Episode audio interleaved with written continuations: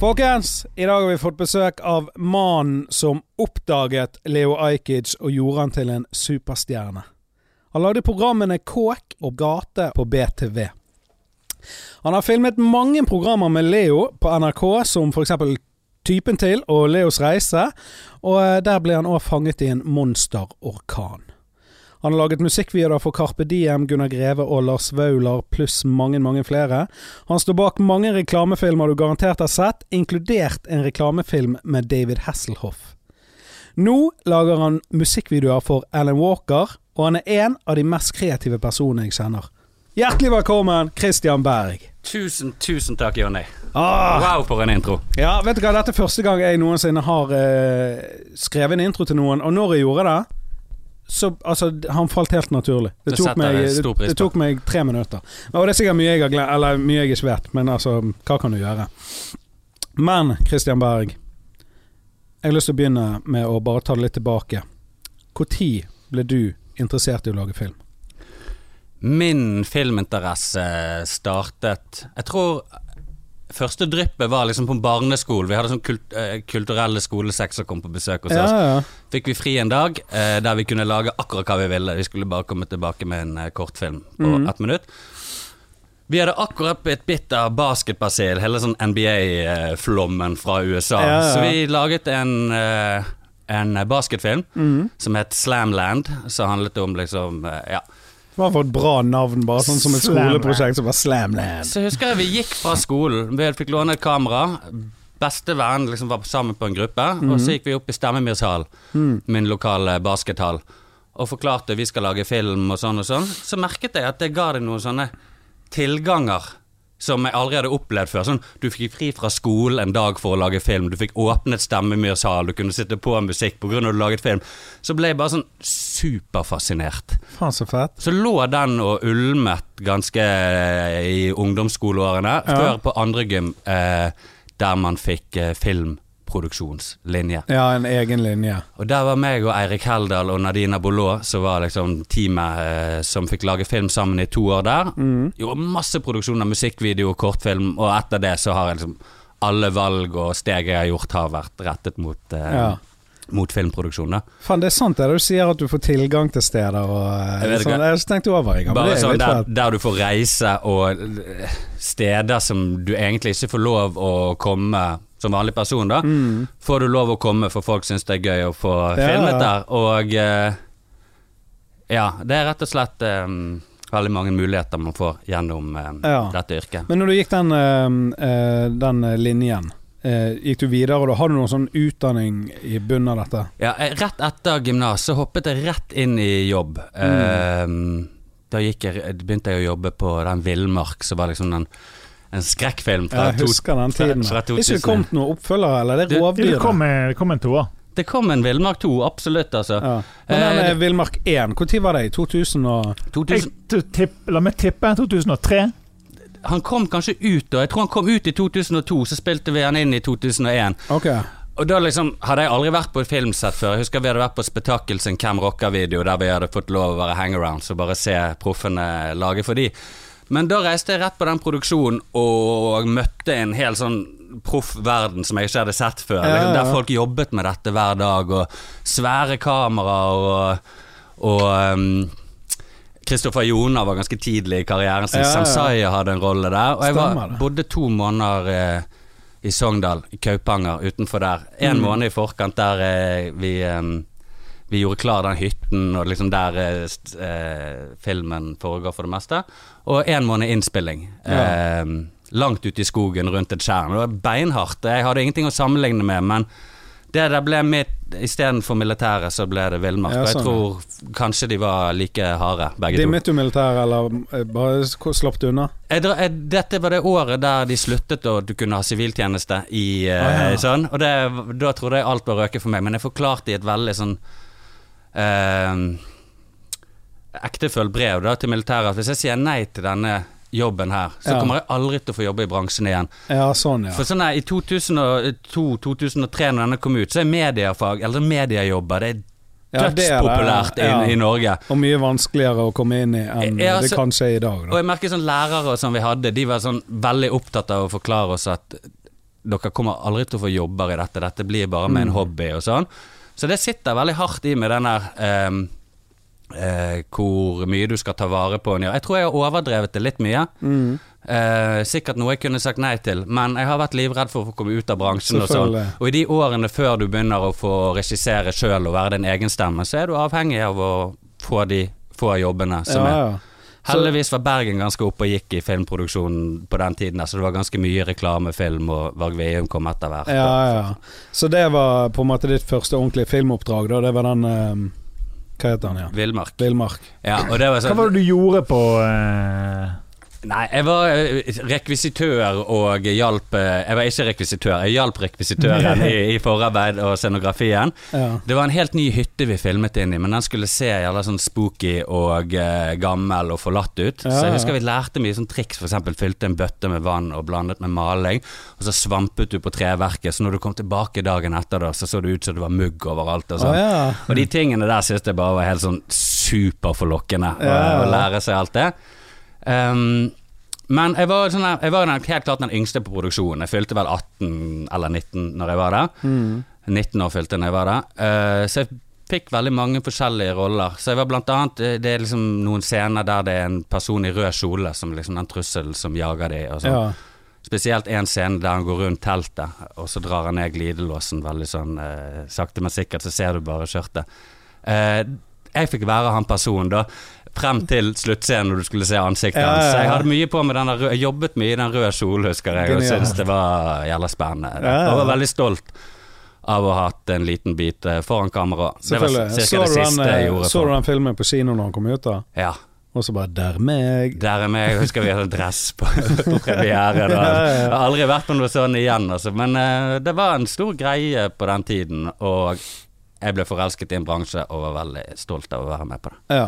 Eh, og så begynte du å lage disse her eh, tingene for eh, BTV. Sant? Sånn så, var det Kåk først, eller? Ja, for meg og kompanjongen min Eirik Heldal, vi startet et firma som het Synopsisfilm. Vi hadde Mm. fått, eh, I 2004 hadde vi fått eh, to oppdrag. En musikkvideo for Spetakkel. Eh, Hva var det, da? Den heter Tilbake. Det er der det er 150 jenter som danser i, i Undiken. Ah, ja, ok. Eh, jeg, prøvde, jeg prøvde faktisk her forleden å finne ut hva sang det var, men den er ikke på YouTube. eh, Nei, den er vanskelig å- Den er vanskelig å oppdrive. kun en Den husker jeg eh, Den ligger på en ekstern harddisk i Ja. i hvelvet til Christian Berg. Så vi hadde den, og så hadde vi en reklamefilm for KrF helt på andre siden av skalaen. Det var sånn, de hadde et, et, et eh, slagord som var 'Vi kan ikke love glamour på valgdagen, men et eh, mer rettferdig Norge kan vi love', eller noe Ja, sånt. Så Jævlig det langt slagord. dritlangt. Jeg tror, flere- jeg tror jeg effektiviserte det litt Ja, okay. nå. Eh, så tenkte de at det var kanskje gøy å pakke inn i den eh, estetikken vi hadde begynt å komme med. Og Vi var sånn, jeg var veldig påvirket av amerikansk musikkvideo og formspråket og liksom Men husk, dette er ikke så mange år etter hele sånn South Park, Jackass-bølgen, Ali G. Når det liksom Det har blitt jævla sånn utfordrere eh, til det etablerte, da, og liksom sånne her um, um, Litt provoserende stemmer inni der som tøyer litt grenser. Det var jævla on the rise. Og web-TV var ganske nytt, der du fikk en annen distribusjonsform. Mm. Så um, vi utviklet et formspråk som var ganske ungt og amerikansk og kanskje litt overdådig. Eh, lekte masse med slow motion og lysinnslag og liksom litt sånne grandiose ting. da um, Så vi startet Synopsisfilm. Etter ett år så ringte BTV, som hadde startet uh, en web-TV-satsing, og lurte på om vi hadde lyst å lage en norsk versjon, eller bergensk versjon, av MTV Cribs. Ja. Er det sant at Girson skulle egentlig være programleder der? Det er helt sant. Eh, historien der er at vi hadde jo aldri laget et TV-program før, så vi visste, meg og Eirik visste jo ikke helt sånn stegene man går, liksom, at man kanskje skal ha programleder på plass Ja, aller først og sånn sånn. Men det var nå som det var, og vi eh, skulle skyte kåk. Vi hadde første innspillingsdagen som var en fredag, husker jeg, og på mandagen, da hadde vi fortsatt ikke fått bekreftet Girson. Nei.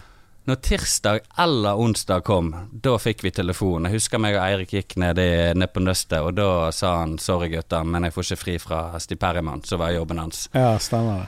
på den tiden der. Og da skulle vi lage en sesong med kåk. Det var ti episoder. Den første gigen vi hadde fått. For meg var det gigantisk. Liksom. Jeg hadde fått det, var jo ikke sånn, For å lage en, en TV-sesong er det for all del ikke et stort budsjett, men for å være første oppdraget når du er 21 år, så var det gigantisk. Ja, ja, det skjønner jeg. Så jeg husker vi satt nede på, um, nede på Nøstet, meg og Eirik, og var ganske deppa, altså. Så gikk vi gjennom, jeg husker vi gikk gjennom sånn der 'Velkommen til Kåk'. Vi visste det skulle hete Kåk, da. Vi Ja, hadde gått fra Cribs til Kåk. Ja, det, Og vi hadde bestemt oss for at det skulle være programleder i det. Cribs er jo bare en, eh, kjendisene som Snakker til kamera, liksom. Ja.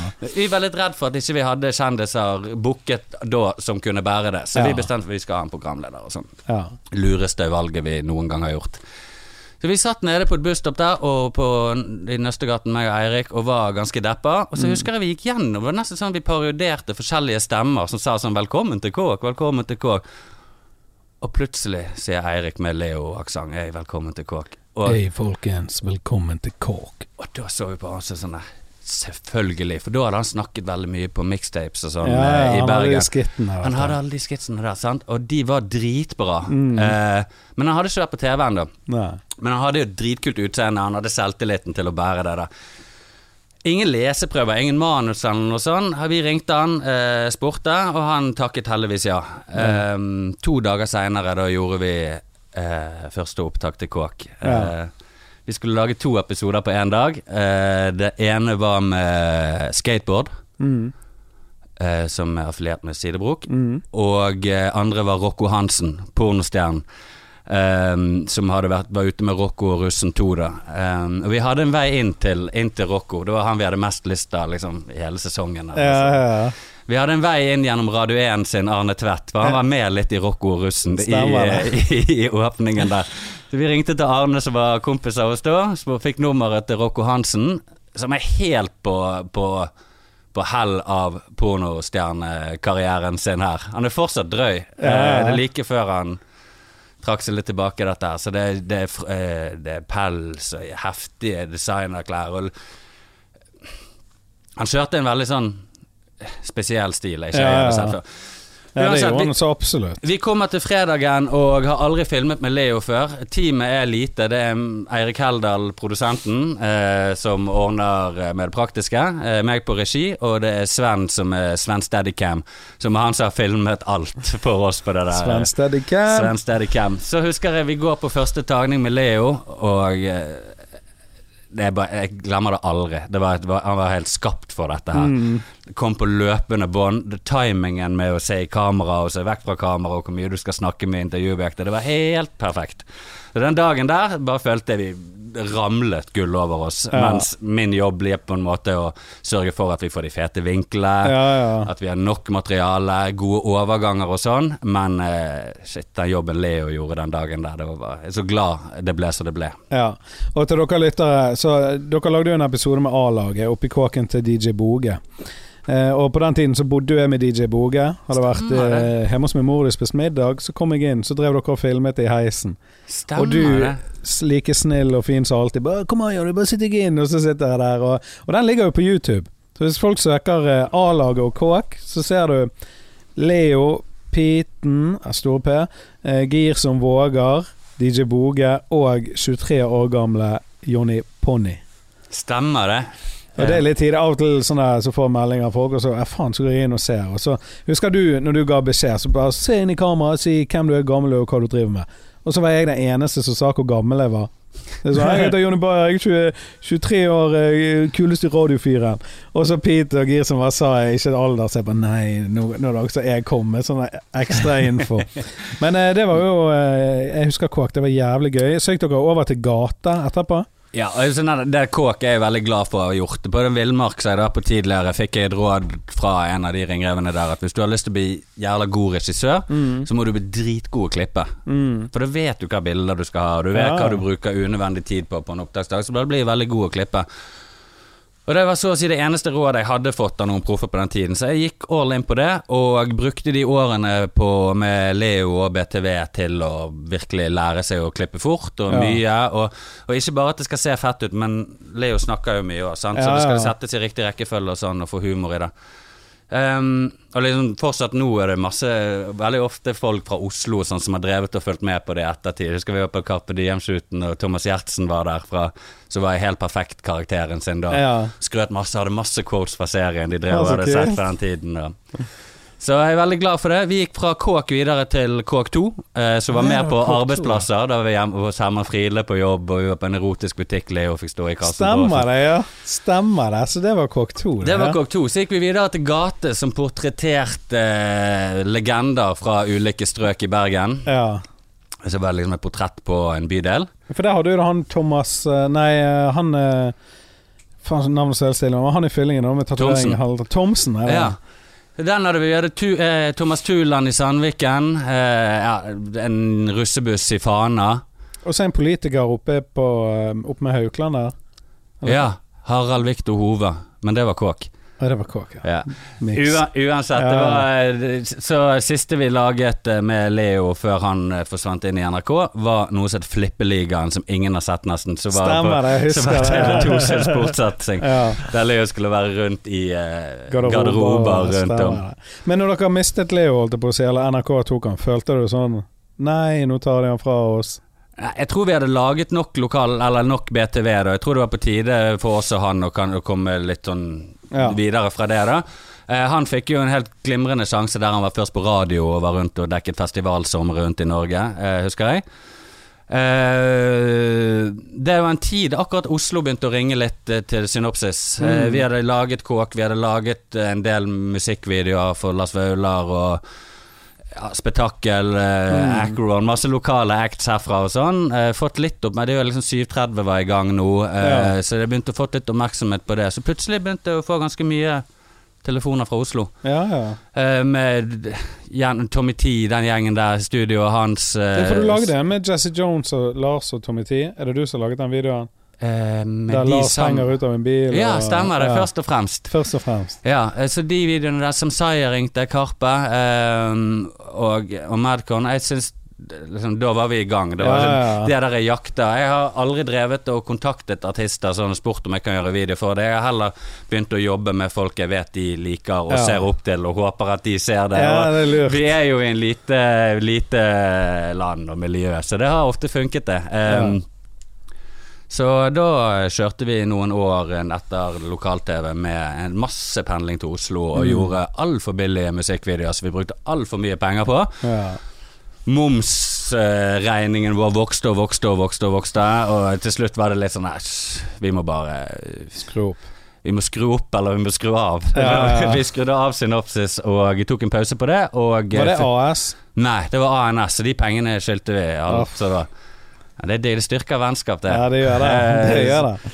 Så vi hadde en eh, grei eh, faktura å ta oss av der, og fikk Ja. oss faste jobber. Men heldigvis innen filmproduksjon, det og i et firma Mm. som heter Bug, der vi fikk gjøre dødsmye gøy. Vi hadde tatt mye på den tiden der, for Ja. vi var i en vanskelig situasjon da. Men, men vi fikk av Bug, og der jeg fikk fortsette å jobbe med han, og vi fikk fortsette å lage litt musikkvideoer.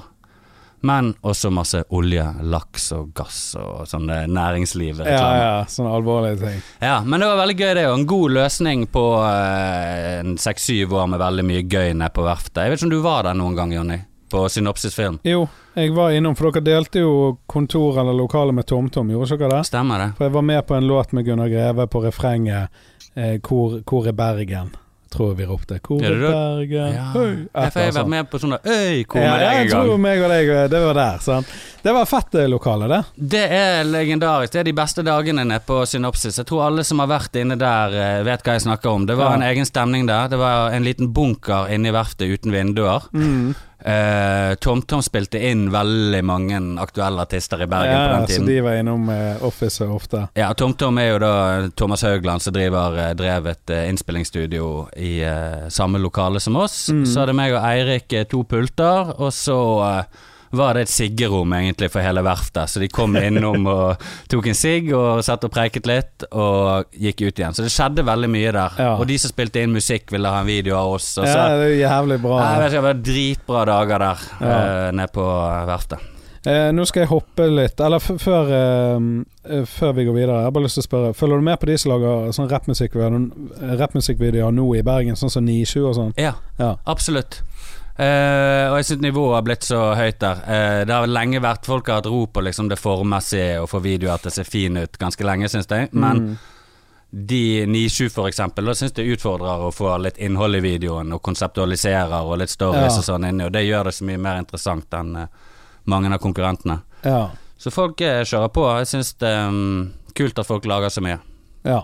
Nei, men det De òg vet jeg lager videoer litt sånn billig nå, og de er sånn faen, vi må skru opp prisene, liksom. Mm. For de lager det rimelig, men det er vel gjerne sånn i oppstartfasen.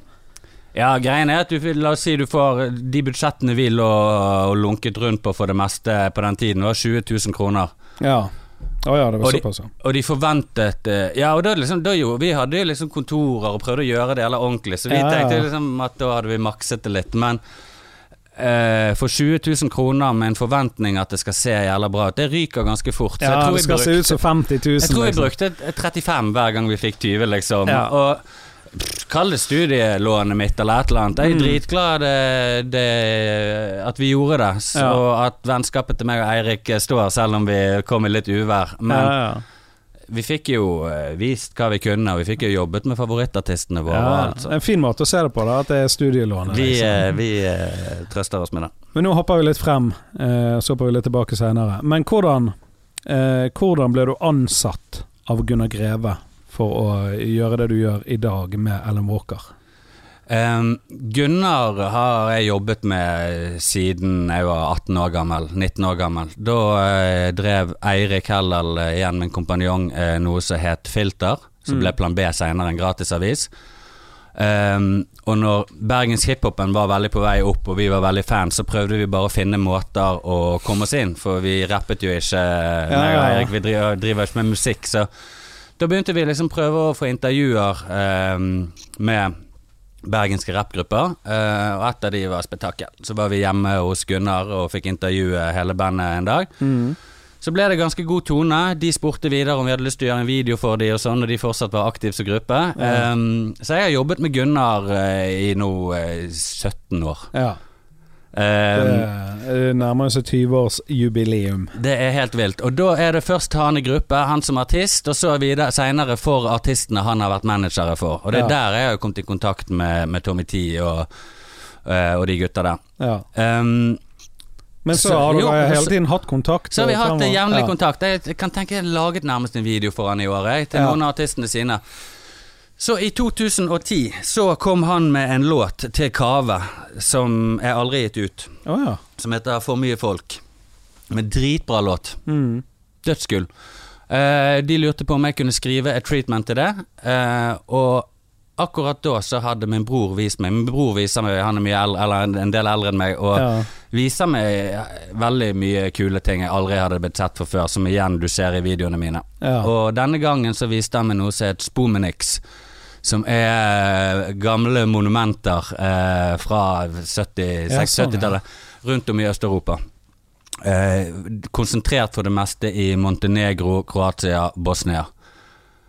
Eh, og de ligner på ingenting annet. De er helt fantastisk vakre. De, er, eh, de er, mm, ligger eh, litt sånn um, utilgjengelige steder der du mener går lenge, og Ja, på fjelltopper og sånn.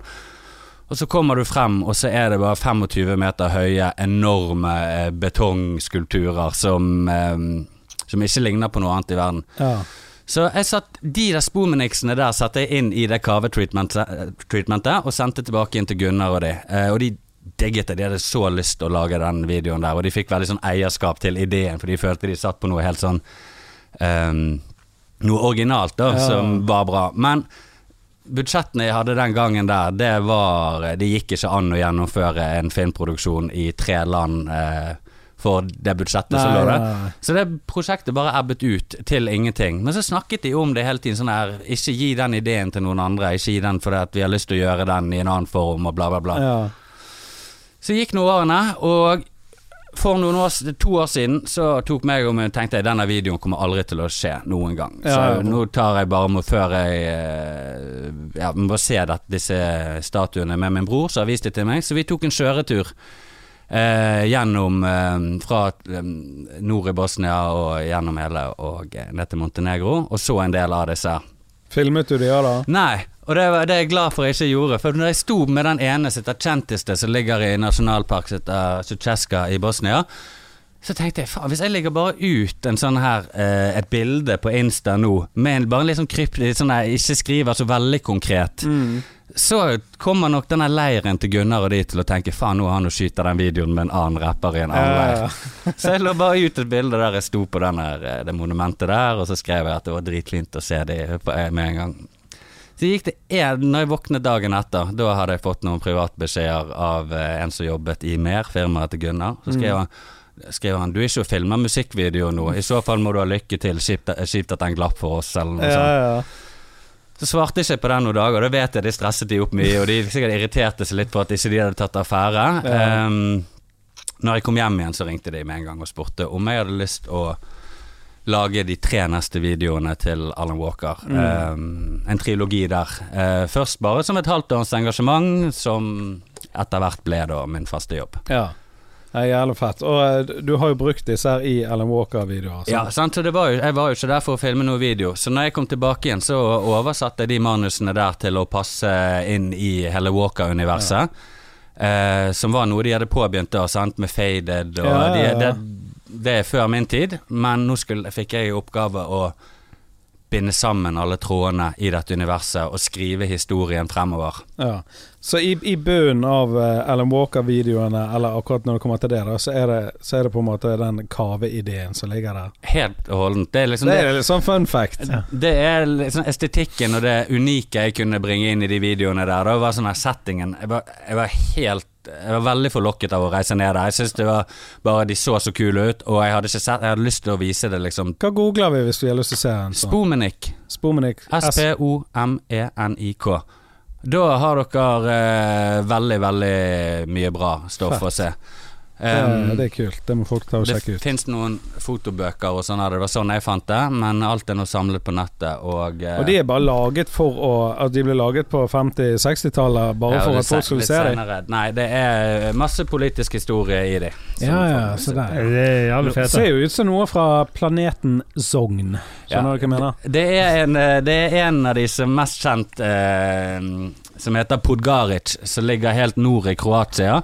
Eh, og den sier folk ofte ligner veldig på romskipene i Star Wars. Og når Ja, de skulle sånn. lage Star Wars 1, så reiste konseptutviklerne ned til Podgaric og tegnet av den. Er Så eh, du finner mye popkultur inni de der òg. Ja. Du har sett noen av de i Den har er, den er vel med i en av videoene dine, denne som jeg Den du peker på nå heter Chantiste, og er den som ligger i den parken, ja. Uh, Chantiste er den vakreste statuen jeg har sett i hele mitt liv. Mm. Eh, når solen lander, holdt jeg på å si, går ned mellom, mellom englevingene der og eh, Det er faen meg syk eh, sånn der eh, design og plassering. Akkurat når solen går ned, så har du liksom Helt vilt. Helt Men når du lager disse Alan Walker-videoene, er han med i videoene sjøl?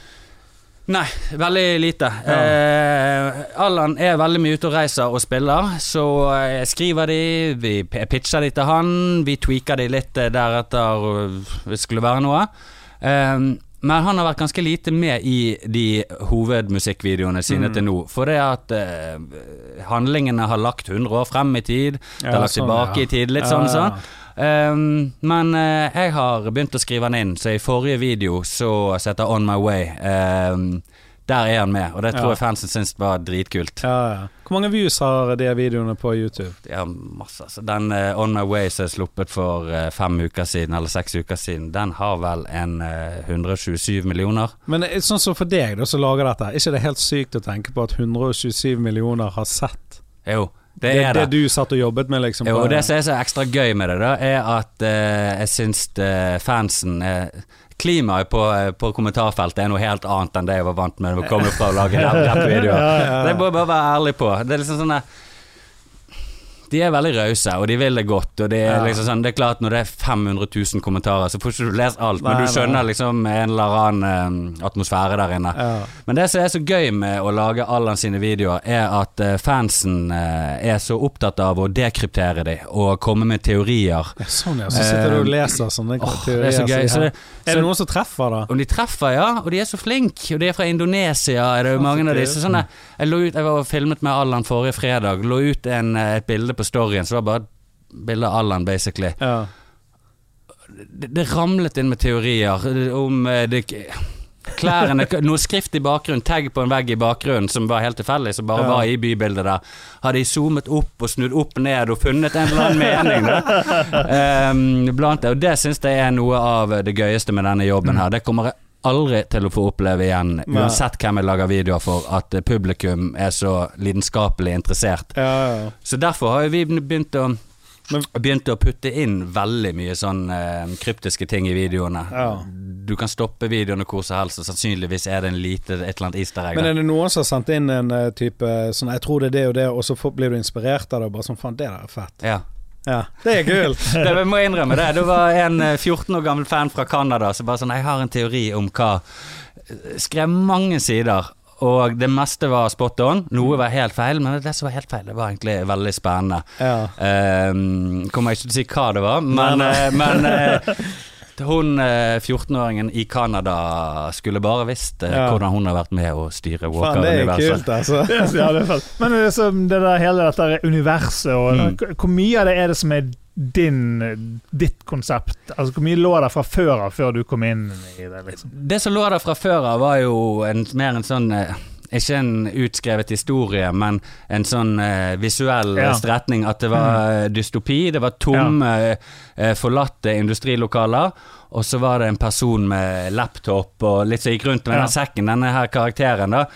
Men det var ikke så eh, Videoene hang ikke sammen eh, så mye mer enn det stilmessige, da. Eh, så det var da de ønsket at jeg skulle eh, lage en story, en storyline som òg omfavnet de videoene som var gjort før mm. meg.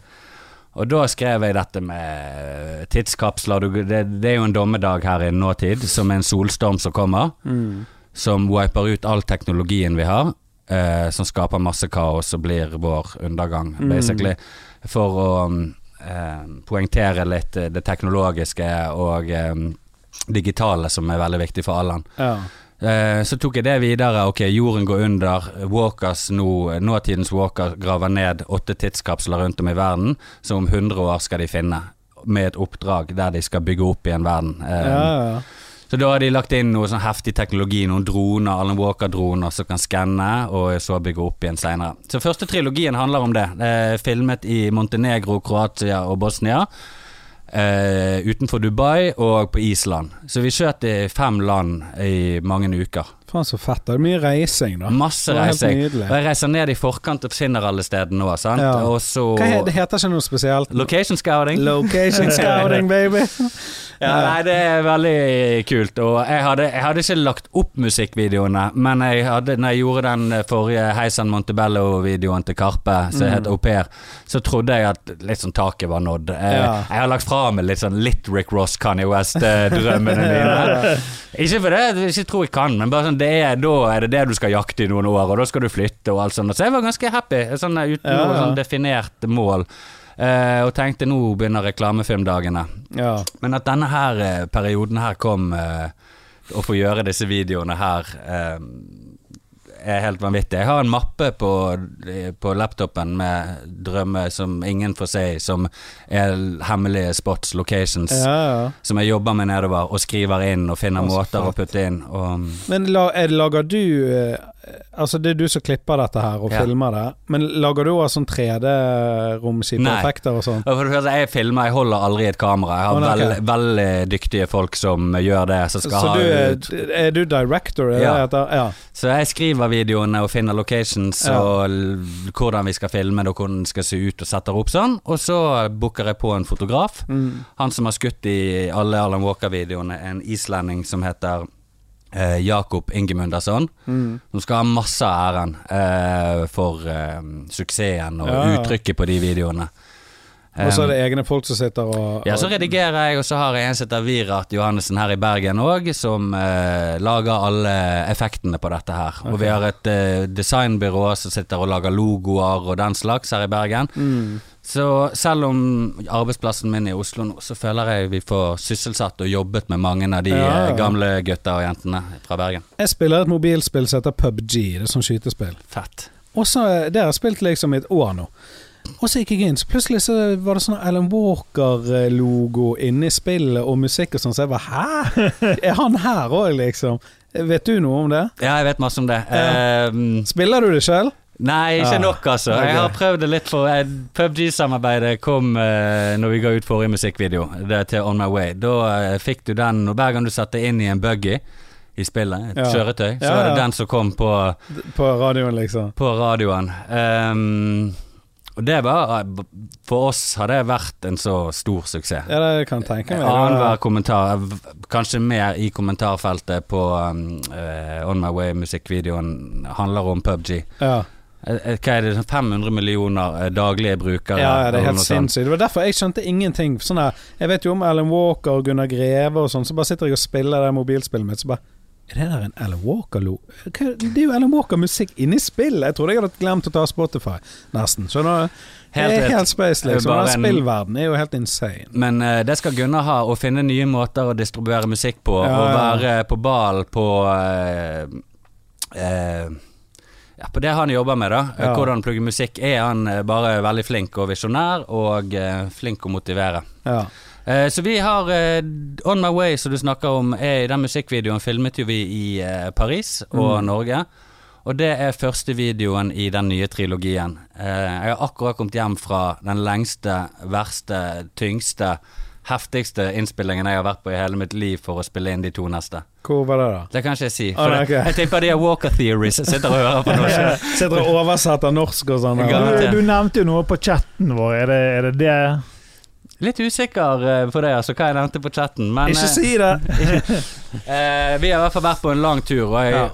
er så stolt av å få gjort det prosjektet der. Men du er jo ikke noe solbrun, i hvert fall. Nei, Så nå kan vi begynne med teoriene her. Det kan jo være vi ikke har vært i solfylte land. Og eh, jeg tror det blir en gøy vending i historien for Walkersene, Ja. å se hva som skjer videre nå. Jeg gleder meg virkelig til å vise det. Men eh, Alan Walker, ser han videoene når de er ferdige eller underveis? Ja, jeg er underveis. Jeg spiller ball med han hele tiden, Ja, okay. altså, så eh, ja, ja, det er helt viktig. I, før vi går ut og spiller de inn, så Ja. er han med å utvikle konsept og godkjenne det.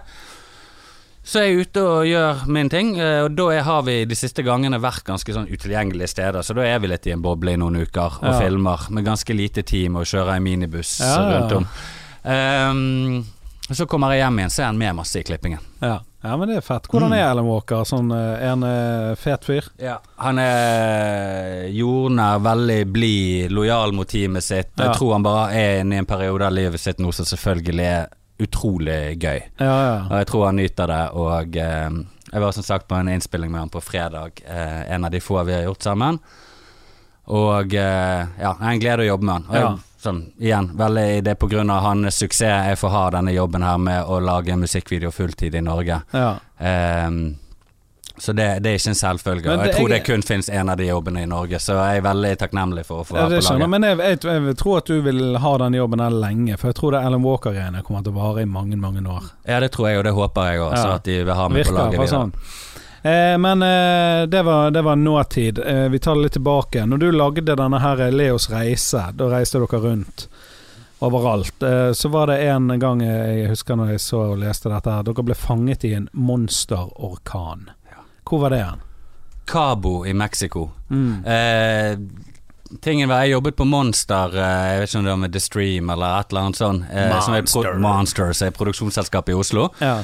Ehm, og Leo var i gang med å spille inn uh, Leos reise. Det var en pitchekonkurranse på NRK, der det var liksom premien for å komme på ideen var at du fikk regissere det. Så jeg hadde ikke sjans på den, det var en annen regissør. Mm. Men han ble pappa midtveis under innspillingen, så de lurte på om jeg hadde bare lyst til å hoppe rett inn og gjøre de tre siste episodene. ja. Um, konseptet var jo folkefest. Leo skulle oppsøke folkefester. Så vi var først i karneval i Notting Hill, karibisk karneval der. Notting Hill i England, sant? Notting Hill i Ja. England, helt riktig. Um, Og når du sa karibisk, så tenkte jeg sånn Ja. eh, For det, det er vel ikke noe karibisk i Notting Hill? Det er ikke et sånn overskyet sted i England som britisk? Helt riktig. Ja. Ganske sånn poststed som Ja. eh, de, eh, de planker igjen og har en svær gatefestival i to dager der. Ja, ok. Ja. Gigantisk. Så det var første, det var veldig gøy. Ja. Ehm, så reiste vi til Ka eh, var vi i India, um, på Durga Puja festival, som er en eh, festival der. Og så reiste vi til slutt til Cabo, Mexico, der vi skulle feire den nasjonaldagen til Mexico. ja. De er 17. mai. De er 17. mai, uh, og det er visst en voldsom fest. Ja. uh, og det gledet vi oss veldig til, for konseptet på historien var at Leo skulle leve eh, i overdådig luksus. Han skulle bo på de fineste hotellene, kjøre de fineste båtene. Genialt konsept. Sånn, det, er sånn, det, er, det er så gøy. Sånn, det var en, en av mine beste kamerater som heter Pål Rønnevik som filmet, så det Ja. var meg og Pål og Leo som var på tur. Shout-out til Pål Ja, Rønnevik. shout-out til Pål Rønnevik. Um, så vi reiste nedover dit, og um, hadde to helt vanlige innspillingsdager først. Eh, var på en stor yacht og bodde på fint hotell eh, og sånn. Men så begynte det å blåse opp. De snakket om vi på den båtturen at Men eh, før, før det, jeg må Ja. spørre. Sjekket du værmeldingen når du var der, sånn fremover? de snakket om den stormen som kom hele tiden, egentlig. Men det var akkurat som vi var litt sånn der. Det var bare støy der. Vi var i produksjonsmodus. Ja. Så var vi ute på den båtturen, og da merket jeg at det var veldig bølgete, og jeg var ganske kvalm, og du så himmelen var illsint. Ja. Himmel, det var et eller annet som ulmet oppi der. Kom vi tilbake til land, gikk og la oss igjen. Når vi våknet dagen etter, da var det masse evakuering. Alle turister som bodde på eh, hotell, ble kjørt i bomberom, og du fikk beskjed om å ligge igjen eh, bagasjen på badet, i badekaret inne på hotellrommet. Hvorfor det? For at hvis vinduer blåser inn, noe de sannsynligvis gjør, Ja. så har du inni badekaret der, da må du inn for ett rom til. Så der Ja, er du sannsynligvis safe. ja. Det var masse jeg lærte. Så sånn her, ok, alle kjører sånne store teipkryss over vinduene, for det, hvis de blåser inn, da, så blir de ett stykke istedenfor Ja, 10 000. ja, ja, så det var mye sånn her, de hadde vært med på dette før, tydeligvis. Eh, vi hadde lyst til å filme mer, så vi var litt sånne tullinger og kjørte ut på pirer og filmet der for å kjenne hvor sterk vinden var og sånn. ja. Hadde hele tiden tenkt å reise videre til neste by, der vi skulle filme folkefesten.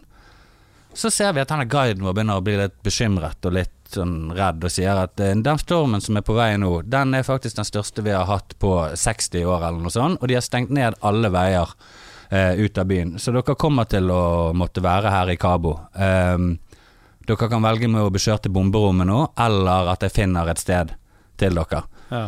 Så bare gikk det så fort. Det begynte å hølje. Bilveiene begynte å bli oversvømt. Eh, sand rant inn, liksom flødde bilveien og sånn. Og vinden begynte å ta seg voldsomt opp. ja. Så vi måtte bare stoppe underveis og ta inn på et helt random hotell. Eh, som hadde ett rom igjen langs en eller annen motorvei. Og det, rom, det huset var fylt av andre helt sånn random turister. Så det var veldig sånn noen jævlig rike folk som var der, og det var oss med TV-team, og det var en enslig som reiste rundt. Veldig sånn rar sammensatt gjeng som holdt roen inni der. Mm. Så kom kvelden, blåste mer enn jeg noen gang var med på. Det var skikkelig masse vinduer som blåste inn, dører blåste av, lysekroner falt, tre som veltet ut i bassenget. Og vannet begynte å stige veldig mye rundt oss. Jeg husker når jeg skulle legge meg om kvelden på soverommet, jeg var ganske langt hjemmefra og alene da. Jeg bare så jeg da svære edderkopper i vannet som begynte å stige opp. For det kommer jo med elvevann og sånn. Jeg bare eh, sluknet den natten, og jeg vet ikke hva som skjedde. Jeg skulle lagt opp og vært redd hele natten. Ja, Åtte timer seinere våknet jeg og kom ut, og eh, Mexico Cabo var helt rasert. Fy faen. Det var helt rasert. Det var en veldig sterk opplevelse. Ja, det det kan var, jeg tenke meg. Alle, alle strømmaster og sånn lå strødd i gaten. Alle, det er bølgeblikktak på veldig mange hus der. Ja. De fattigere delene som man ikke ser som turistgjerne Riktig, de har de bølgeblikktakene, og når de eh, blåser av og går i 100, flyr i 150 km, så er det Barberblad. Ja. som eh, går. Så de sa på nyhetene i ettertid at det var ingen som var død av dette her, men vet du hva, det tror jeg rett og slett ikke på. For det det- at eh, de folk bodde så enkelt, og Ja. det var så ekstremt der ute at eh, at eh, det må ha gått utover noen. Vi Ja, ja. kom da dagen etter, vi fikk vite at taket på flyplassen var, var eh, blåst av. Og all elektrisiteten var vekke, så det er vanskelig å drive en flyplass uten strøm. Ja, flytårn og uh, Så vi, vi, uh, vi uh, skjønte at vi måtte bli i Cabo i noen dager. Ja. Um, så da tok vi ut Et tips vi hadde fått like før, var å ta ut så mye cash som mulig. For når strømmen går på hele, på hele øyen, så er det bensinpumper som er drevet av strøm, og minibanker er det som du merker det fortest på. ja. Så vi tok ut en god del med cash, gikk opp i butikken og kjøpte masse boksmat og uh, greier. Og hamstret litt, hamstret, liksom. Ja, eh, inn. Dommedag-greier der. Det var det, altså. Det var lange køer utenfor. Men husk dette på dag én, så det er liksom folk tenker at det ordner seg. Det var ikke så desperat ennå. Ja. Så gikk vi til hotellet, uh, og så merket vi at det er vann, drikkevann, som er det store problemet her. Ja. Så da sa noen lokale til oss at Pepsi hadde åpnet eh, hovedlageret sitt, sånn at folk kunne bare gå inn og forsyne med seg så mye de ville eh, borti gaten. Vi anbefaler at dere gjør det samme, men ikke ta med kamera, for folk kan være litt crazy i unntakstilstander. Ja. Og jeg angrer veldig på at jeg ikke tok med kamera bort der, for når vi kom bort der, så var det selvfølgelig bare et rykte at Pepsi hadde åpnet dørene for folk. Det var jo selvfølgelig en plyndring. Eh, dørene var revet opp. Så vi med NRK-kort på brystet var med på en masseplyndring av, eh, av Pepsi-lokalet. Og du gikk, du, du gikk med vann opp til brystet, og så folk rive opp dører på lastebiler og ta det som var inni. Og Skikkelig loting. dønnloting. Eh, så vi bar så mange sånne her, du vet sånne Olden eller sånn vanndispensere. Ja, de der svære De svære, vi klarte tre hver. Ja. Eh, og gikk tilbake igjen og um, delte inn i fellespotten på Ja. hotellet, sånn at alle som hadde vært der, kunne bidra. Dritbra. Vi var der i tre dager. Eh, han lokale mannen som tok vare på oss, han eh, hadde mer enn nok med å tenke på, på sin familie og Ja. huset hans hadde røket. Så første dagen var vi ganske Alle- Aleine, uten noe mat, husker jeg. husker vi spiste mye sånn blå chips som vi hadde kjøpt på butikken. og Noe greier, blåbærchips eller noe sånt. Dag to så fant vi et sted som hadde åpnet for litt matservering. Er Helt rugged, liksom. Um, og på dag tre eller fire, da fikk vi reise til La Paz og eh, kjørte under veltete kraftstolper og sånn, og kom oss til flyplass. Helvete. Og der var ikke det strøm, og der var ikke det tak. Og de som jobbet på flyplassen, var ikke trent opp i en sånn situasjon. Hvordan styrer du en flyplass analogt, liksom? Ja, ja. Så det var helt kaos, og det var sånn bare lotteri om hva fly du satte på, og hva by det landet i og sånn. Så plutselig var det en stor italiensk mann i 50-årene, eh, arkitekt, som bare sånn Dette her kan ikke jeg se på. Og han hadde tydeligvis noe sånn org, eh, orgingkunnskaper. For han bare tok listene fra dem og tok styring, og fikk hele den flyplassen på fly i løpet av den dagen. Skal hver gang noen gikk inn på, på flyet, så klappet folk. Stor applaus. Ja, det er bra. Nei, det høres jo helt ekstremt ut. Og folk, hvis dere googler eh, Leos reise og orkan, så får du den. For det var jo en VG-sak og litt sånn. Eh, men når, når du lå på det rommet alene, hvor var Leo og de da? De lå på sitt rom alene. Okay, Vi kjørte eh, ja. rett ved siden av eh, hverandre, altså. Men, og det, dette er jo vind du aldri har opplevd før, sånn som når det stormer i Bergen ja. og Nina og Dette må jo være helt det var helt, jeg husker når det kom vann fra sjøen, det pisket det deg i ansiktet sånn Ja. at det gjorde sånn skikkelig skikkelig vondt. Og du kunne ikke stå oppreist, eksempel. Og jeg mener når, når vinduer på moderne bygg blåser inn og går i tusen, Ja, så er det ganske heftig. trelags vinduer. Jeg tør ikke å si eh, hastigheten, for jeg er redd for å si noe feil der. Men jeg husker det var helt ekstremt, i hvert fall. Og, eh, og ikke bare vind, men ekstremt regnvær. Ja. Så, så Hvorfor kommer det alltid om kveld? Eller gjør, kan det komme på dagtid, da? Tror det kan komme på dagtid òg. Det er bedre, det, blåst, det er lyst, i hvert fall. Altså, mørket er jo dette er eh, blåst opp. Husker når alle de bildene her i hodet av folk som forbereder før stormen, teiper vinduer, fyller opp eh, strøm på aggregat, nei, bensin på aggregater og sånn. Husker de veldig godt. eh, Men det ble skummelt, altså. For det at Mm. sånn her, på dag tre så hadde de plyndret apoteker og sånn. Og for folk med, med sukkersyke og Ja, sånn, og ikke det til, tilgang på insulin lenger, så begynner det å bli ganske dårlig. Husker sånne Office Mac, eller hva det heter, sånn sted du kjøper PC-er, mm. var plyndret. Det var, ikke, det var liksom ingen artikler igjen der inne. Så, så de flydde inn eh, militæret i helikoptre eh, og fikk de ned for å få organisert eh, bensinpumpekøene, så det var mange ja. kilometer lang. Så det ble noe, det ble ikke noe nasjonaldag på oss i det hele Nei. tatt, men episoden ble veldig spesiell Det ble jo litt av en reise. Det ble det, og det var sesongavslutningen eh, på Og så sitter han eh, hjemme i pappaperm og koser med baby. Han som Ja, egentlig skulle Jørn. Jørn er sikkert glad for det. Jørn, så Det var wise choice. Eh, men du har òg spilt inn en uh, reklamefilm uh, med David Hasselhoff. Ja. Hvordan, hvordan, hva var det reklame for, egentlig? Det var for kjøpesenteret Oslo City i, midt i Oslo. Ja, og Hvordan kom dere i kontakt med David Hasselhoff? Um, jeg jobbet i Bug på den tiden, tidligere. i- Dette er vel i 2010. Um, og vi delte Vi var eid eh, Også et reklamebyrå heter Mm. Neolab, hadde samme eier, så vi Ja. jobbet mye sammen med de. Og de, de hadde Oslo City som en kunde. Mm. Og så tror jeg det var en ganske sånn lokal kjendis som de egentlig skulle ha eh, til å være posterboy for den reklamen der. Og da jeg som var ganske ung og ny i karrieren, Mm. jeg fikk det oppdraget der. superstoked på det. Skulle lage med en, en eller annen. Ja.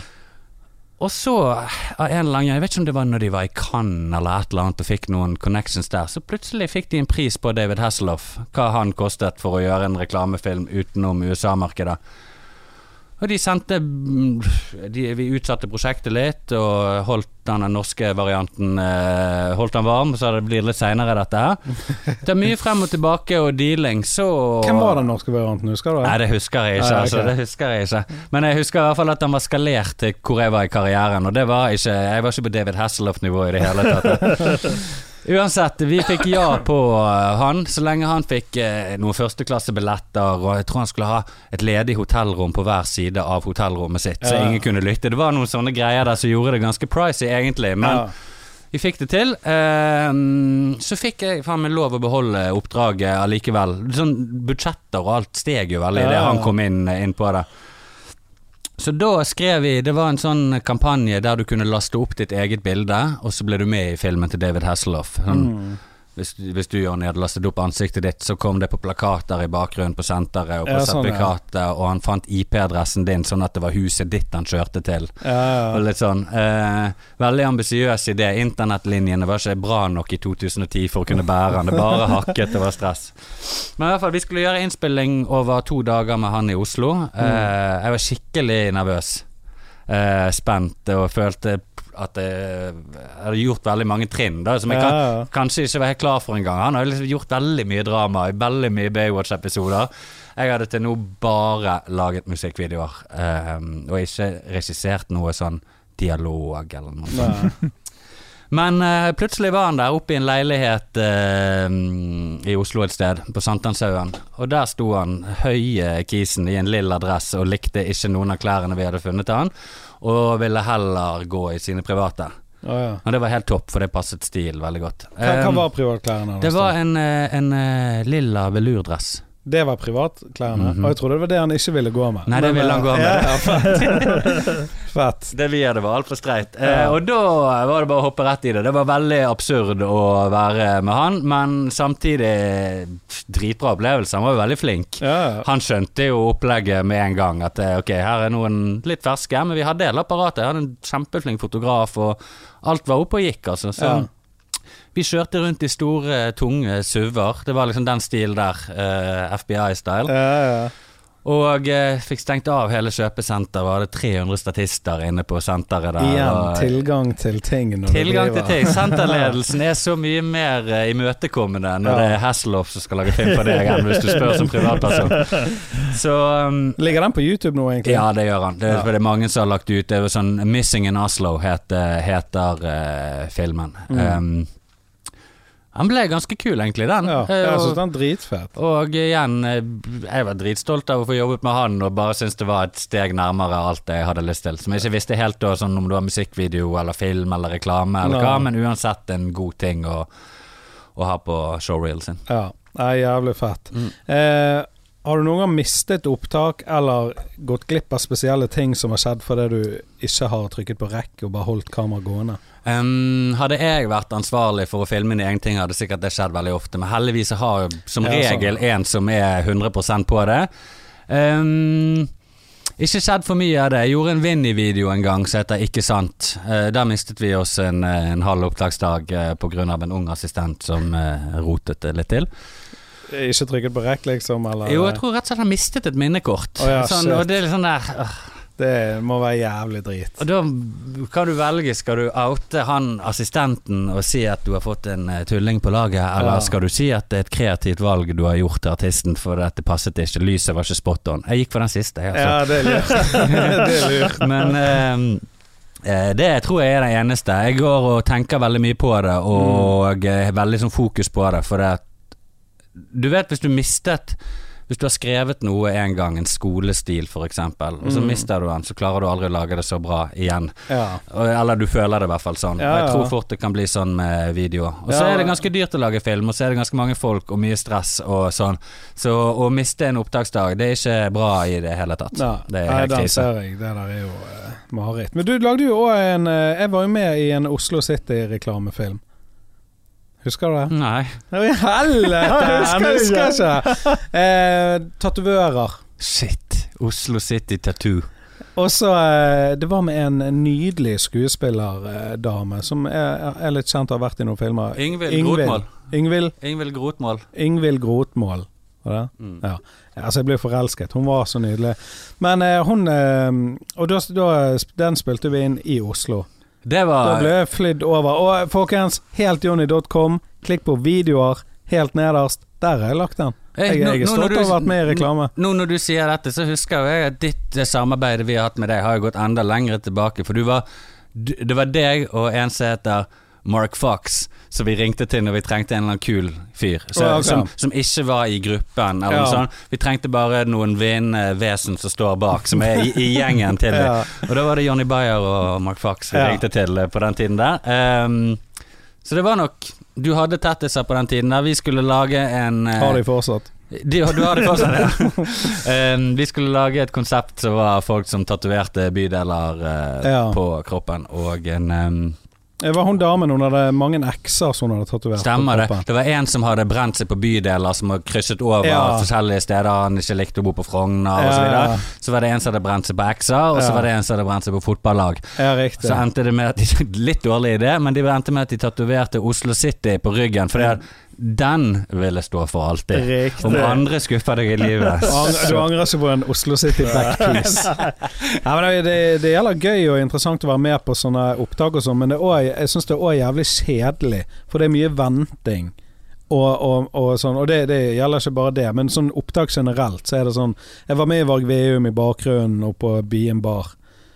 Tok jo faen så lang tid. Og når du ser opptaket, altså på filmen, så er bakgrunnen blørret da. Ja, Så du ser bare ryggen til at det sitter noe Du kunne vært pappfigurer, liksom.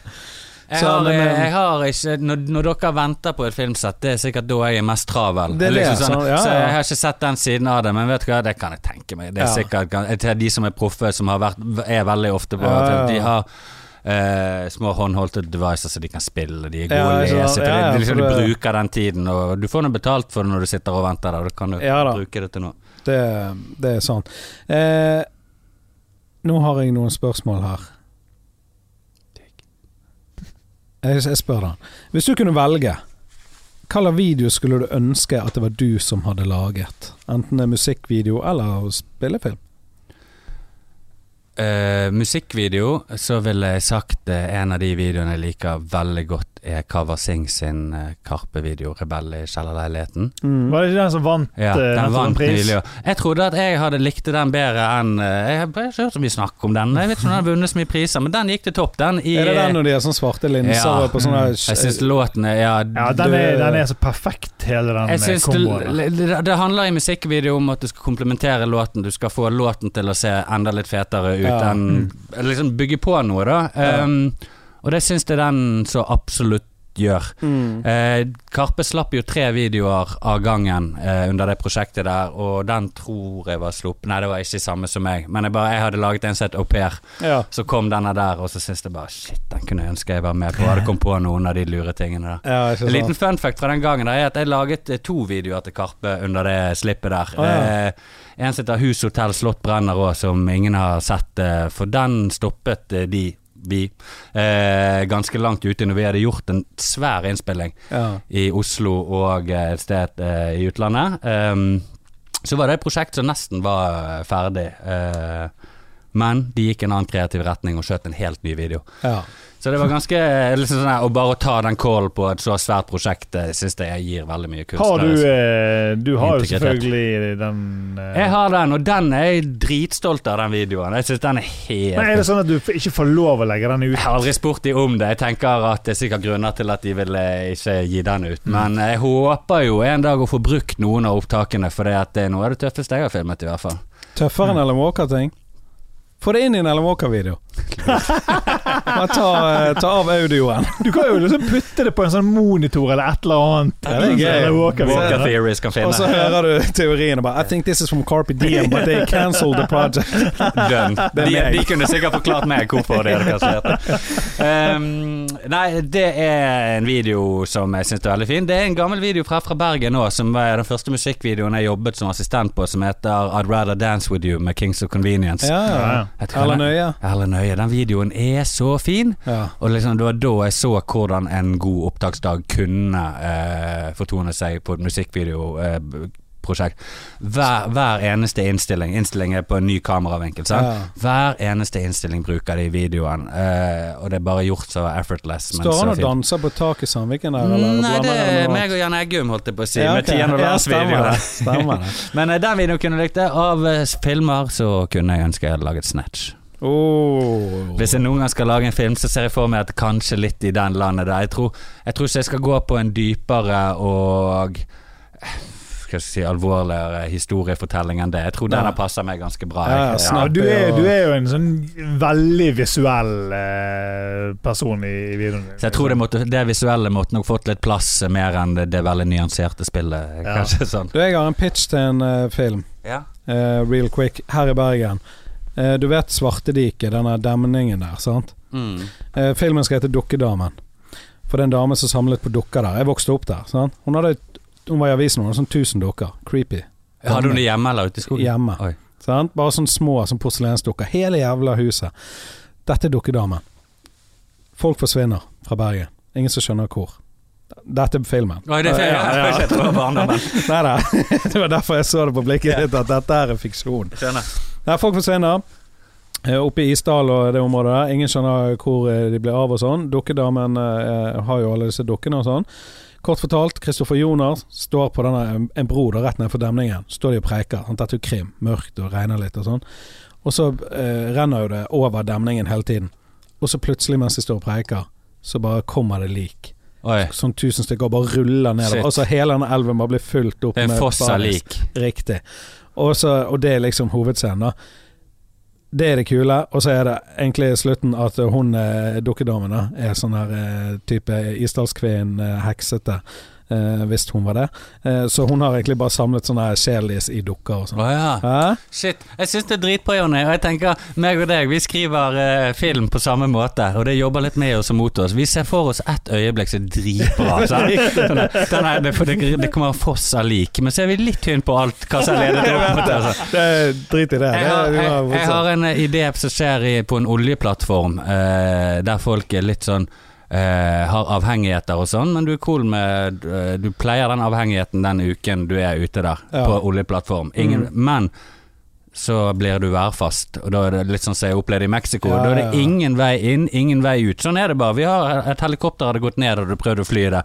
Og da er du plutselig på en sånn Battle Royale-situasjon der det er 400 mann og damer um, samlet på et jævla lite sted. Mystisk sted, science fiction-aktig sted, Ja, ja, der det stormer vilt mye. Og hvis noen begynner å knerte hverandre der med folk som er litt på tupper, sånn, så tror jeg det, det kan Du få får den desperate greia. den desperate i eller visuelle steder som folk ikke vet hvordan egentlig ser ut på en oljeplattform, og sånn, så du kan ta det litt sånn friheter og sånn. Den filmen tror jeg kanskje jeg kommer til å lage. en Da må du ta med Mia Gundersen, for hun var jo med i den norske serien Offshore på 90-tallet. Stemmer det. Hæ? Det må jeg Så gjøre. bare sånn homasj. Jeg tror det går i? Hvorfor kommer dere Nei! Og så er hun død, liksom. Perfekt. Ja. Men da hadde da den ideen begynte med at jeg så for meg en som tente en sigg på den store flammen, du vet, som kommer fra oljeplattformen. Ja, ja. så begynner, begynner du på en som tenner en sigg, og så plutselig er det blitt en spillefilm. Det, jeg vet ikke om det er riktig måte å jobbe på, men det er vår måte å jobbe men, på, Men det var, ja. Det er Synopsis 2 Yes, sir. kommer. Du, du kjører litt sånn Tarantino, sånn der, du tar den visuelle kvaliteten foran sånn logikk og hva Ja, som og, så, hadde og sånn må det ikke være. Altså, så, men jeg, jeg, det er der jeg jobber litt med Ja. nå, å komme meg ut ifra den uh, greien. Og det funker langt på. I musikkvideoer så er det litt andre krav, for det er ikke en dialog. Eh, som gir så mye. Det er mer visuell informasjon, hvor de Mm. går, og det ligger i blikk og sånn. Ja. Så det er en litt annen greie, og hvem vet, kanskje det er det jeg bare kommer til å jobbe med herfra og ut, at det er stilen min nå. Mm. Eh, å lage sånne historiedrevete filmatiske videoer på drøye locations. Mm. Og det er helt streit, det jo. Det- Hvis jeg kan få gjøre det i livet ut, så er det konge. Ja, ja, det virker jævlig fett. Du, Har du sett den filmen med Gareth Butler? Jeg vet ikke om du Espen Morild kan google noe, men det handler om at de er på et fyrtårn. Han og to andre. Nei. Jeg, jeg så han på vei til Oslo i januar. Han ligger på Netflix. Likte du han? Ja, jeg så han så godt at jeg Eller jeg likte han så godt at jeg så han på vei hjem igjen òg, fra Oslo. Oi. Så jeg har sett han to ganger. Wow. Han var egentlig litt sånn rolig og kjedelig, men det er sånn desperate greier, og det, det er mye Det var noe interessant med akkurat den. Og den virket det som Det var ikke sånn Hollywood-shit, liksom. Men eh, hvis du ikke har sett den, se den. Hva het den? Nei, det er det jeg håper Morild eh, eh, Hvis du søker Gerard, Bat, eh, Gerard Ja, Butler jeg, jeg, jeg er inne på han nå. Og du er på filmen? Nei, jeg er inne på han skuespilleren. Eh, Ja, men så søker du bare noe sånn her Fisherman, eller Hva er fyrtårn på engelsk, da? Li Lighthouse. Lighthouse. eh, noe sånt. Eh, Det er sånn jeg googler. Vet du at filmen het et eller annet med det? Nei, Nei. det vet jeg ikke. Men uh, han ligger på Netflix, da, så kanskje du bare kan google Gerhard Gerard Bødler. Jeg er så dårlig på navn. Gerard Butler. Han heter jo ikke det. Eh, Jane Johan heter Gerard Butler. Han heter Butler. Uansett, mens han uh, finner eh, ut av dette, så kan vi eventuelt ta det helt på slutten. Norsk filmbransje, kjenner Mm. du til den godt? Ja. Er han Eh, råtten? Eh, nå har ikke jeg vært på innsiden av eh, filmbransjen. Den jobbet jo jeg veldig mye i før jeg fikk stå på egne bein. ja. Eh, da opplevde jeg ikke den så råtten, nei, i det hele tatt. Men igjen, jeg hadde veldig store øyne og har alltid hatt veldig sånn ehm, Har sett veldig opp mot eh, de som har jobbet der, og har lyst, virkelig lyst til å bli en del av den. da. Ja. Så jeg kunne sikkert vært mer kritisk. ja. Og ehm, Men har du opplevd noen, noen sånn asshole-fakter og ting og tang? Å ja, ja. Ja. Massevis. For all del, det er jo veldig mange karakterer inni der, og sånn Er det noen som Det er få, ting jeg arrangerer sånn, av, av alt vi gjør utenom musikkvideoer med konserter og TV-opptredener og alt. Det er få ganger jeg får mer sånn sinte telefoner og folk som ikke har fått infoen de skal dagen før, eller hvor du skal parkere, eller parkeringsgård. Så det er ganske sånn eh, Sikkert fordi at en opptaksdag må være veldig strukturert. Fordi Ja. at hvis én ikke kommer, så er det ingen som får filmet og sånn. Det er sikkert litt av grunnen, men Ja. herregud så mange eh, ganger jeg har tenkt at nå må dere skjerpe Men er du konfliktsky som person, eller setter du deg på plass? Ja, jeg har blitt litt bedre eh, på det, men før det så har jeg alltid jobbet med Eirik Heldal, og Mm. han er ikke konfliktsky i det hele tatt, så Nei. han har på en måte tatt alle kampene mine, Ja. og det har liksom vært dynamikken oss imellom. Eh, men nå jobber ikke jeg daglig med han, så nå må vi ta litt av eh, Litt mer sjøl. Men Ja. igjen, jeg jobber som en kreatør. Jeg er kreativ på det settet der, så det er veldig lite av det praktiske som nå har meg. Ja. Um, jeg er litt eh, holdt unna det der med å rigge opp og ned sett, men jeg jobbet som assistent før, så Mm. var det ofte man eh, Filmbransjen og TV-bransjen er ganske ulike. ja, ok, det er det. Eh, ja.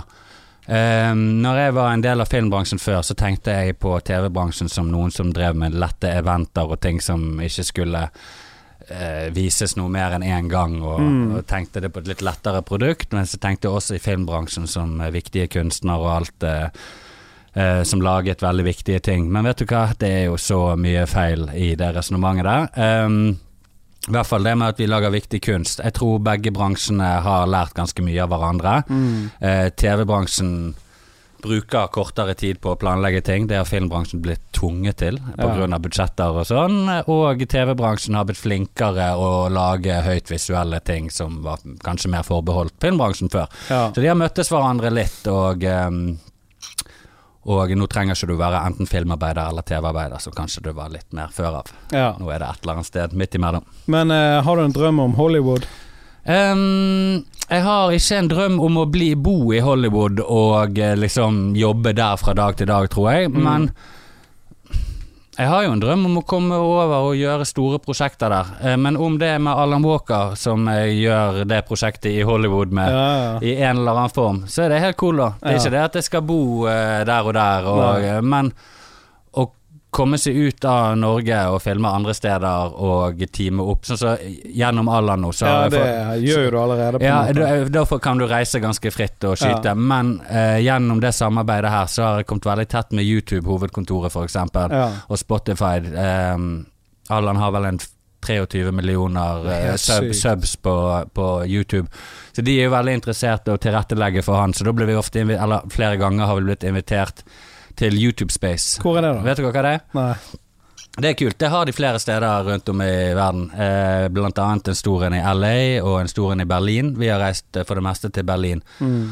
Og det er bare et svært skaperhus. Et dritstort studio som er koblet opp mot en filmskole, så de som går på den filmskolen, de jobber i studio. Mm. Og så er det masse creators room som er ett veldig maskulint rom, og ett nøytralt, og ett kjøkken og alt sånt. Sånn at hvis det er kjente eh, YouTube creators i Berlin. Så kan de komme inn der og skyte content. Helvete. Um, så liksom og, og da har de noe som uh, Har de noen sånne ehm, YouTube Space Live-prosjekter. Ja. Der vi blir invitert og kan bruke studioet fritt en dag, f.eks., og skyte det du ønsker.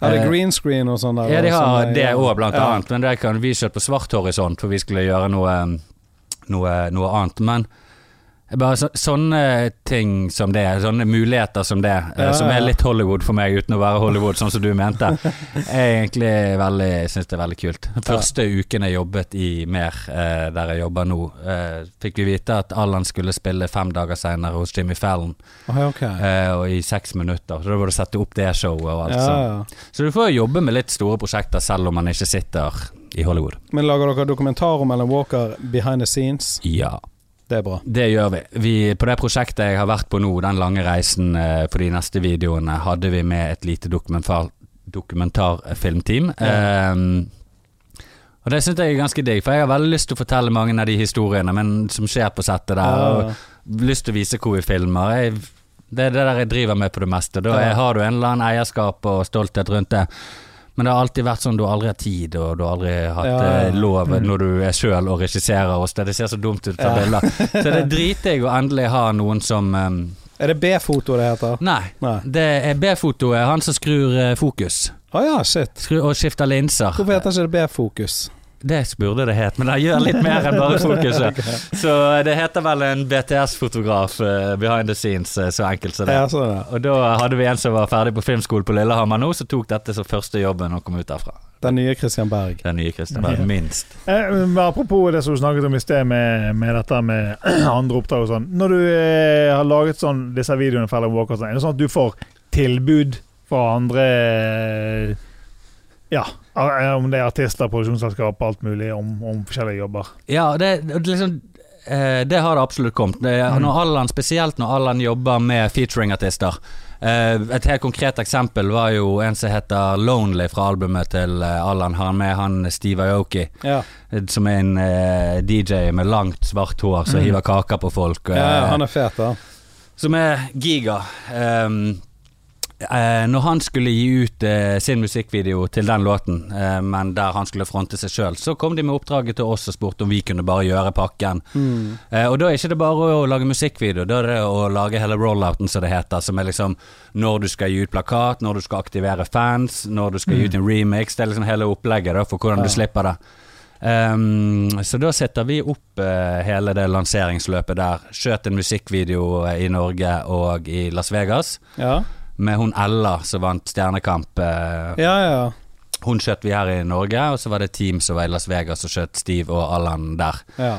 Eh, og sånt håper jo jeg det blir mye mer av. Jeg bare sånn så drøm det hadde vært å komme i en posisjon en gang eh, i fremtiden der artister skulle gi ut en singel, og så kontakter de deg for både artwork, liksom Mm. stills og plakater, musikkvideoen. Hvordan aktiverer vi fans? Det er alltid et eh, mål om at fans skal eh, gjøre oppgaver knyttet opp mot sangen, sånn at Ja, de sånn, streamer ja. den mer. Sant? For eksempel PubG. Eh, lag, lag den råeste PubG-videoen der du har Allan sin låt i bakgrunnen. Det er. Sånne type ting. Da. Inkludere de, liksom. Ja, så eh, tenker eh, Det kommer det absolutt eh, litt av. Og spesielt etter vi begynte å sette navnene våre. Vi sitter alltid i en liten slags rulletekst eh, Mm. på slutten. Mm. Det ser filmatisk ut, det ser stilmessig riktig ut i de videoene vi lager, og så er nå det hyggelig å få gitt en liten eh, ære til resten av crewet. Ja, ja. Og etter vi begynte med det, så har det kommet ganske mye, altså. Men det meste av fans, det, det skal jeg innrømme, det er innimellom store artister som kommer, og det prøver vi å få til. Eh, og veldig mange Alan Walker-fans på 13-14 år som har lyst til at jeg skal skyte videoene deres. Ligger det på YouTube sånn Alan Walker eh, reaction videos? ja, massevis. sånn? massevis. Det er òg noe jeg aldri har vært med på før. Se folk ja, Ja. veldig fjernt fra deg og, og dine. Eh, Ja. Reagere på videoene og gjøre det med så glede, og de, synes, de vet den forrige videoen, og derfor puttet du det inn der. Jeg- Ja, jeg syns det er veldig stas. du kan Du skulle, sitte og se du, du skulle laget eh, noe sånn der at du reacter Wow. til deres eh, ja, Reaction. Ja. Reaction of Men reaction. det er noen av de, de eh, som er mest aktive eh, kan jeg si En liten hemmelighet til dere da, er at de som, noen av de som er mest aktive, eh, syns de gjør så mye bra med å analysere. De skaper snakk, og det genererer jævla mye buzz, den lille kanalen deres. Mm. Så nå har jeg funnet en, eh, en måte å plassere deres hashtags, deres Walker IDs, inn i neste oh. musikkvideo. Så når de analyserer den, De så finner de de kan være sjokk the fuck? så finner de bilder av seg sjøl, og det, det, Det er gleder, det gleder jeg meg veldig til. Er det? Men er det, er det noe du har lov å gjøre, eh, eller må du spørre om du kan bruke bilder av dem og sånn? De Nei, på dette er kun eh, Walker-ID-en deres. er det det er ja, hashtagsene ja. deres, liksom. skjønner. Ja. Som de har veldig mye ære i òg. så Ja. det, blir, eh, det blir bare det som er avbildet. Når kommer dette her, da? Den kommer nok i ja, Litt usikker. Ja, Det, ja, jeg, tror ikke, eh, jeg tror ikke releasedato er satt helt ennå. Eh, jobbes med, men jeg eh, sitter hver dag og klipper, i hvert fall. Og har Ja. en video klar. Fett. Det som er litt kult med og litt sånn moderne måte mer er strukturert på, er jo at Allan Og vi har jo studioer i bygget, og vi lager videoene. mm. Så istedenfor sånn som i gamle dager du måtte gjøre, der en låt er ferdig, mikset, mastret, så begynner de å kontakte en, tre videoregissører som skal begynne å krangle om, eller ha en konkurranse om hvem som får lage videoen. ja. Så skal du skyte videoen, så skal du klippe den, og så skal du grade og bla, bla, bla. Det tar halvannen måned. Jeg jobber i samme firma som er managementet til Allan, og der vi har studioer nede, så vi kan påbegynne videoen idet låten har begynt. ja. Mm. Ehm, så du, det, det er veldig sånn dynamisk, da. Ja, ja, ja. Eh, og plutselig kan du få en telefon. Nå har vi skrevet litt om på tredje vers, bare husk det når du spiller inn det i, i, på Island. Den, den, den. Så det gjør at det er veldig effektivt, og at det kan gå veldig kort tid fra du bestemmer deg for hva singel til du har en ferdig skutt video. Men du, du vet jeg hadde bursdag i går. Det stemmer. Det er gratis så mye med overstått. Tusen takk. Og vet du hva jeg vil ha i bursdagsgave av deg? Jeg vil ha en hashtag Jonny Bayer i neste Alan Walker-video. Get them theories going! Vil du ha den i captions eller i videoen? hva er forskjellen? Nei, jeg tenker Skal jeg skrive det under posten min, eller skal jeg legge det inn i videoen? Nei, inn i videoen, sånn at det står på en stein eh, ved siden av en tidskapsel eller noe sånt. Du vet sånn det er hogget inn, og så bare Hva faen? Gamle he- hellerisinger. Ja, Det er, jo litt, det er jo litt denne storyen vi er inne på nå. Det handler jo om eh, mystisk arkeologi. Mm. Eh, jeg vet ikke om dere kjenner til uttrykket 'artifacts out of time'. Nei. Jeg har hørt Artifacts. Det er litt Det er ganske spennende, egentlig. Det er litt sånn Hører litt til den røykete delen av internettet, kanskje. Litt sånn konspirasjonsteoretisk. Men eh, dykker du inn i det og tar vekk eh, tullet og konspirasjonsteorier, så er det et tema som handler om arkeologiske funn. Mm. som er langt mer moderne og teknologisk enn de burde vært eh, fra når de stammer fra. Ja, ja. For eksempel fra tider der vi drev og slo hverandre i hodet med klubber eh, Ja. og bodde i grotter. Så plutselig finner de ting som er sånn laserutkuttet og sånn. Så bare sånn Jeg er så jævlig om bord Ja. på dette greiene her.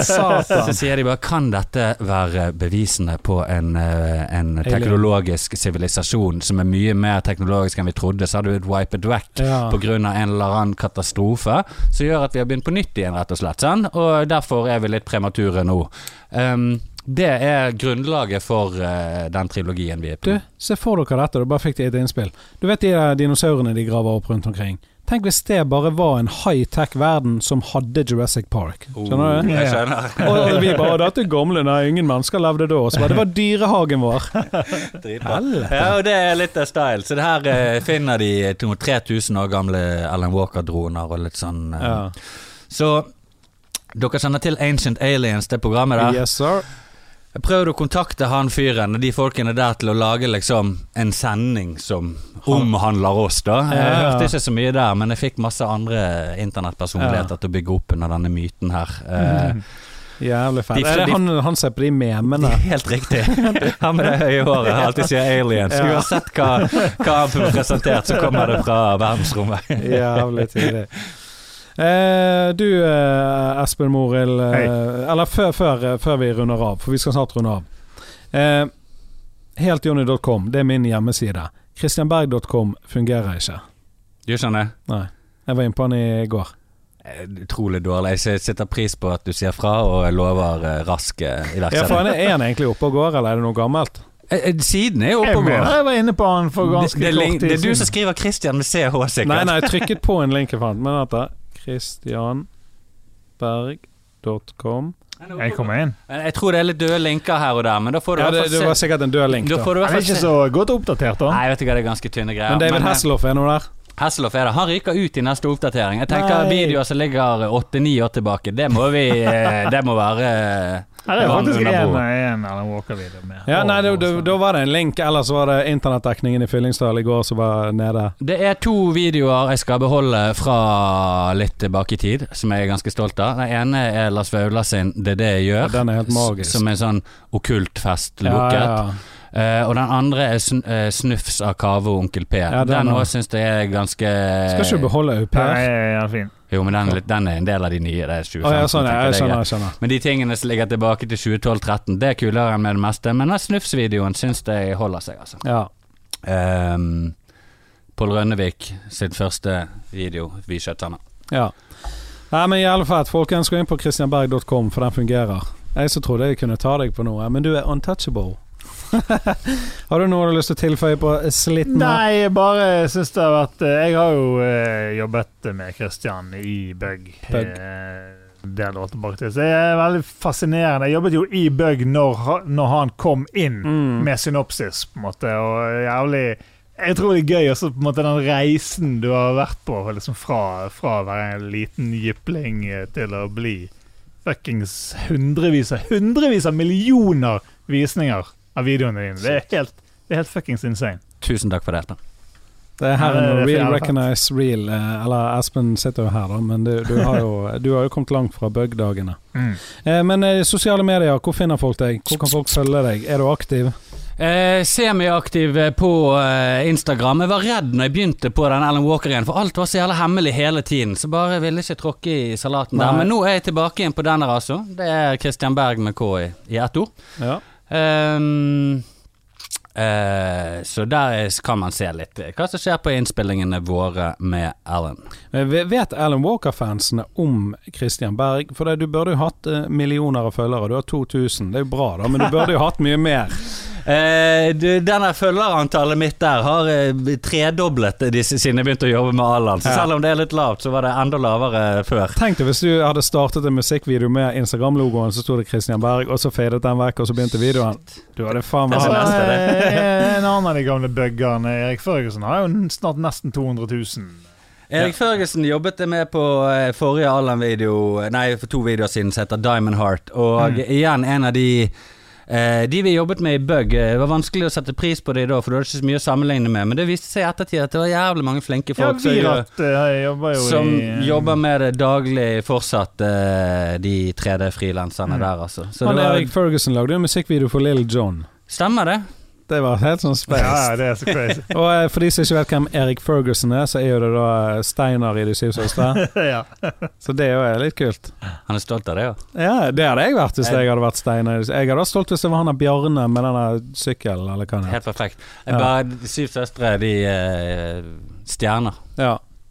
Og, og det må jeg bare si, du vet nå når Game of Thrones ble ferdig, og, og alle bare 'Å nei, hva skal jeg gjøre nå', liksom. Eh, Den følelsen har jo alle vi hatt før, eh, som da når eh, De syv søstre lå opp. Altså når siste sesong av De syv søstre gikk. Det var jo landesorg. Jeg var kanskje ikke helt oppe med Game of Thrones.